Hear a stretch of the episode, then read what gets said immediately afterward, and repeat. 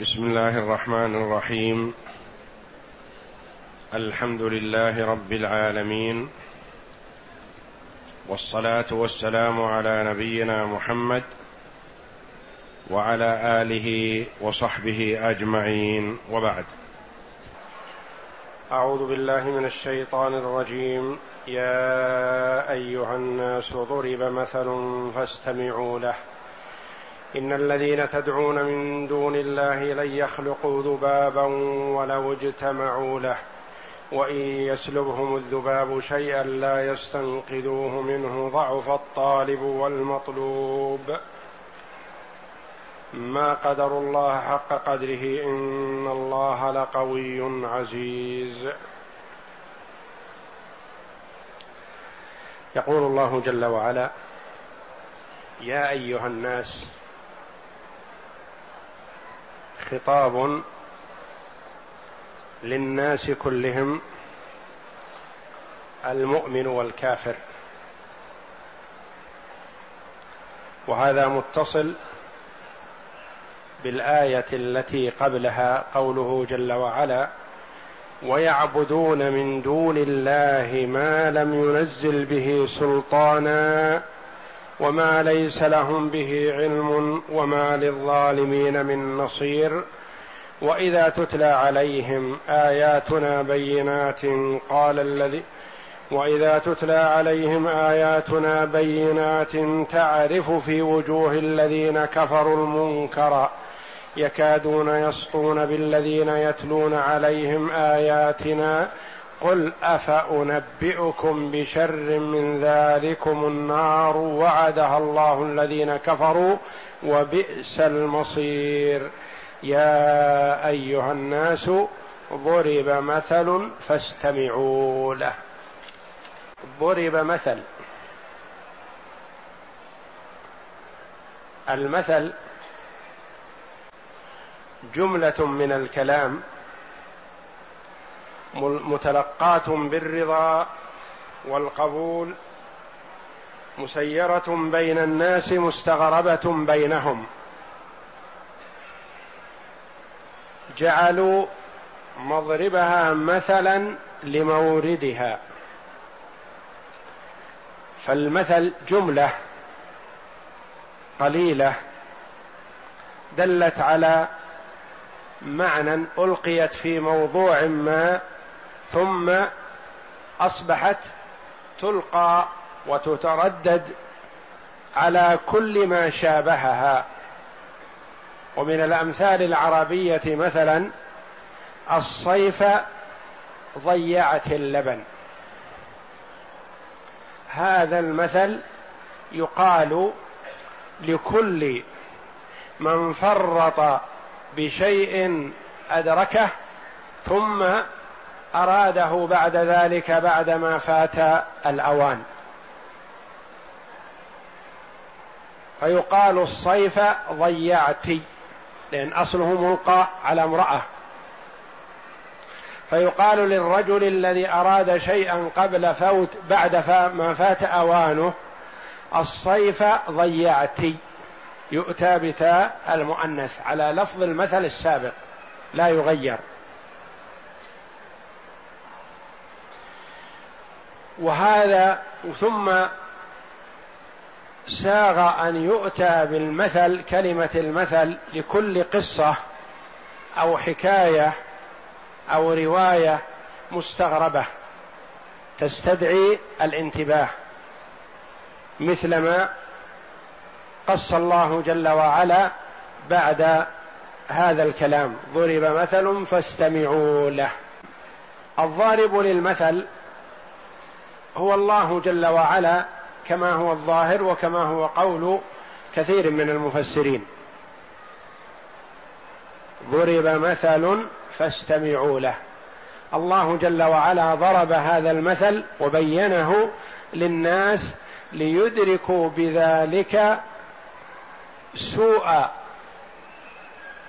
عاقبة عبادة الأصنام وجهالة عابديها وسخافة عقولهم.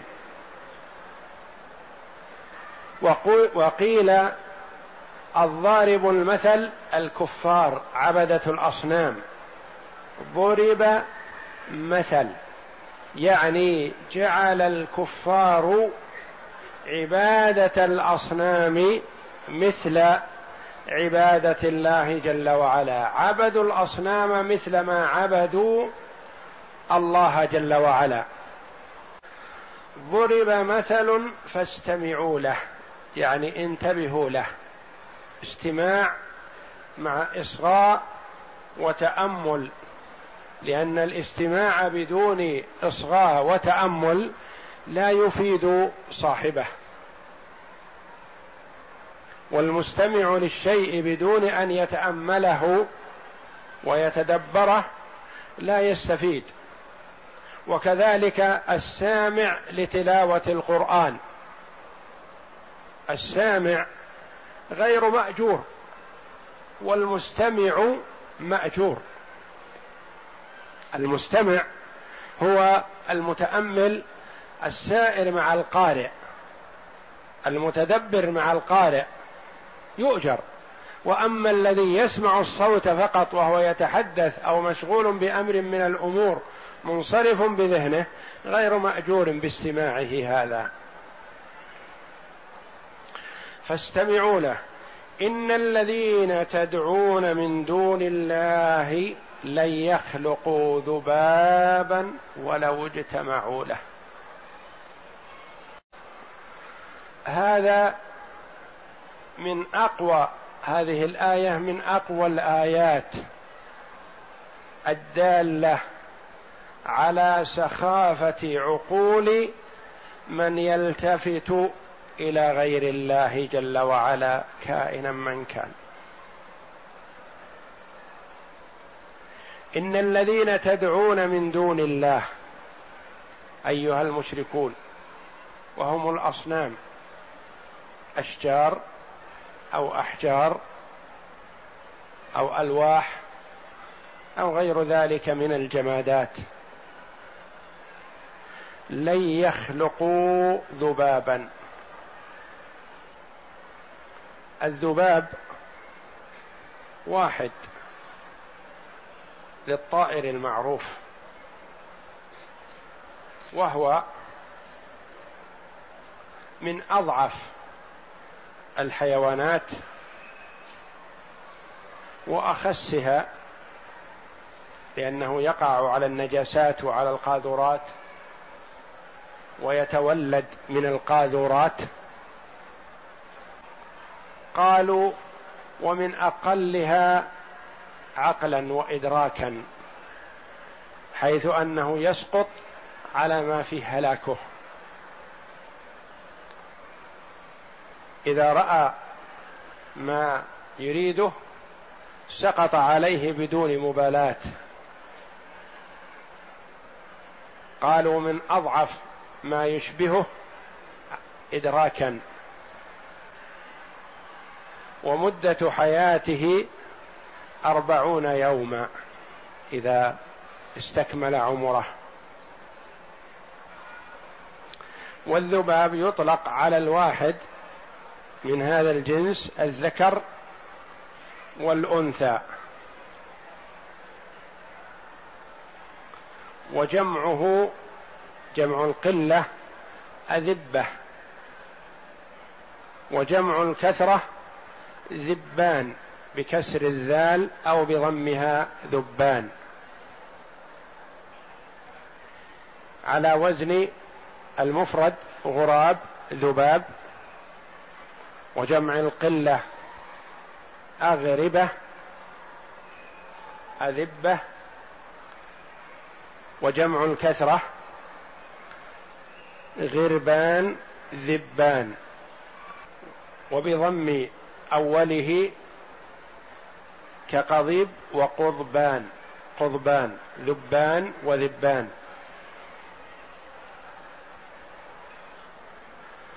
وضربه الله جل وعلا مثلا لعجز الآلهة عن خلقه لهوانه وضعفه. لن يخلقوا ذبابا. يعني لا تستطيع الآلهة أو واحد منها أن يخلق ذبابا. ثم قال جل وعلا ولو اجتمعوا له. الإله المعبود من دون الله الواحد لا يستطيع أن يخلق ذبابا. ولو اجتمع كل الآلهة من دون الله ما استطاعت ذلك. لأن هذه الآلهة لا تستطيع شيئا اطلاقا لكن القادر من المخلوقين لا يستطيع أن يخلق ذباب لأن الذباب يحتاج إلى نفخ روح والروح من الله جل وعلا. لا يستطيع أحد أن يوجدها. ولو اجتمعوا له لا يستطيعون. ولو اجتمعوا له أين جواب الشرط؟ ولو اجتمعوا له فلا يستطيعون خلقه. مقدر. هذا دليل على عجزهم وعدم قدرتهم. وهناك دليل آخر يؤكد ضعفهم أقوى وأشد من هذا. وهو قوله جل وعلا وإن يسلبهم الذباب شيئا لا يستنقذوه منه. قال ابن عباس رضي الله عنه كان المشركون يضمخون آلهتهم يعني يطلسون ويطيبون آلهتهم بالزعفران.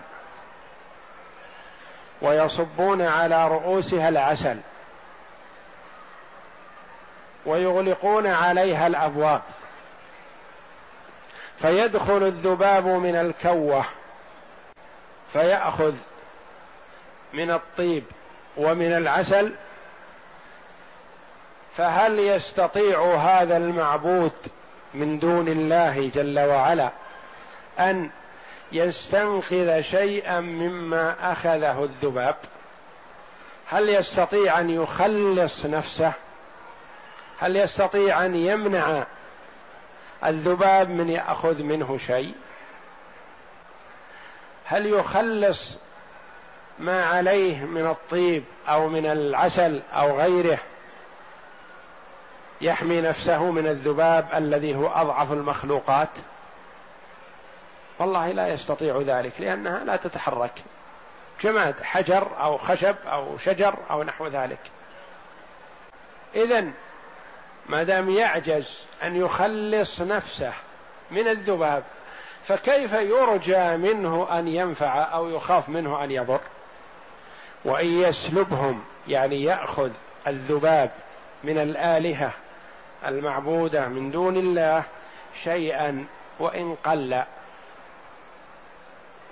لا يستنقذوه منه. لا يستطيعون أن يأخذوه منه أن يستردوه. ضعف الطالب والمطلوب. الطالب من هو؟ الذي يريد الاستنقاذ؟ الصنم. والمطلوب ما هو؟ الذباب. ضعف الطالب والمطلوب. وضعف الطالب أشد لأن المطلوب ضعيف الذباب لكنه يستطيع أن يفر ويطير ويتحرك ويأخذ ويسلب. لكن الطالب الذي هو الصنم لا يستطيع شيئا. وقيل الطالب هو عابد الصنم. والمطلوب هو الصنم. يعني هذا الطالب الرجل أو المرأة الذي يأتي إلى هذا الصنم يسأله والصنم هل يستطيع أن يعطيه شيئا؟ لكن القول الأول مروي عن ابن عباس رضي الله عنهما وهو أولى والله أعلم أن المراد بالطالب هو الصنم. والمراد بالمطلوب هو الذباب. ضعف الطالب والمطلوب. ما قدروا الله حق قدره. هذا رد على كفار قريش الذين يلتجئون إلى الأصنام ويقولون نحن نعلم أن الله جل وعلا هو الخالق وهو الرازق ونقدر ربنا. لكن نعبد هذه الآلهة لتقربنا إلى الله زلفى. قال الله جل وعلا كذبوا. ما قدروا الله حق قدره. لو قدروا الله حق قدره ما عبدوا الأصنام. الله جل وعلا هو الذي خلقهم وهو الذي رزقهم وهو الذي يهبهم القوة. والمال والعقل ونعمه تتوالى عليهم ثم يعبدون صنما جمادا لا يتحرك. ما قدروا الله حق قدره؟ لو قدروا الله حق قدره ما عبدوا غيره. ومن عرف الله جل وعلا توجه إليه. من عرف الله حقيقة توجه إليه وأعرض عما سواه. ومن توجه إلى غير الله فما عرف الله حقيقة.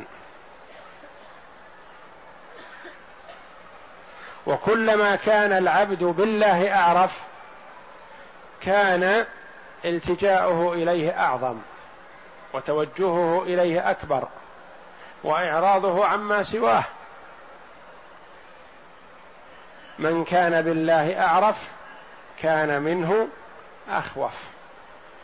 يعبد الله جل وعلا عباده عن رغبة فيما عنده وعن رهبة خوف من عذابه.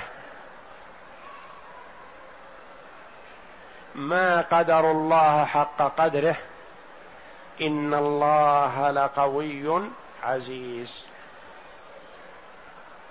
قوي جل وعلا يفعل ما يشاء ويحكم ما يريد لا معقب لحكمه ولا راد لما أراده عزيز منيع جل وعلا. لا أحد يستطيع أن يضر الله جل وعلا بشيء فهو جل وعلا لا تنفعه طاعة المطيع ولا تضره معصية العاصي.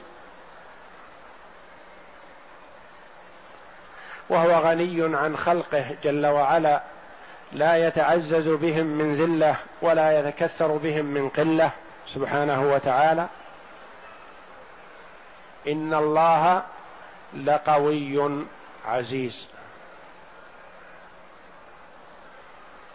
فهل يصح في هذا القوي العزيز أن يساوى بهذه الأصنام التي تعبد معه ومن دونه؟ أين عقول الذين يتوجهون إلى أصحاب القبور الأموات يسألونهم ويتضرعون إليهم ويطلبون منهم أن يردوا الغائب أو أن يشفي أن يشفي المريض أو أن يعمل كذا أو يعمل لهم كذا. ميت لا روح فيه. إن كان صالحا فهو في روضة من رياض الجنة لا يدري عنهم. وإن كان شقيا فهو في حفرة من حفر النار. مشغول بما هو فيه لا يدري عنهم شيئا. ولو نادوه بالليل والنهار وبأعلى أصواتهم حتى تبح حلوقهم ما سمعهم والله. وما استجاب لهم. والله جل وعلا يضرب الأمثال لعباده ليبين لهم الطريق الحق الصواب. ليبين لهم ما فيه سعادتهم في الدنيا والآخرة وليحذرهم من طريق الشقاوة والهلاك. فالأمثال فيها عبرة وموعظة وتذكير لمن وفقه الله جل وعلا. وأما من أراد الله شقوته فهو لا يستفيد شيئا. وتقوم عليه الحجة بما يسمعه ويلقى عليه. فحري بالعاقل أن يتدبر كتاب الله جل وعلا وأن يتأمل الآيات التي أوردها الله جل وعلا للدلالة على وحدانيته وعظمه سبحانه جل وعلا واطلاعه على خلقه وأنه لا تخفى عليه خافية من أمورهم. فيلتجئ إليه ويسألوه ويتضرع إليه وقد وعدهم بالإجابة. والله أعلم وصلى الله وسلم وبارك على عبد ورسول نبينا محمد وعلى آله وصحبه أجمعين.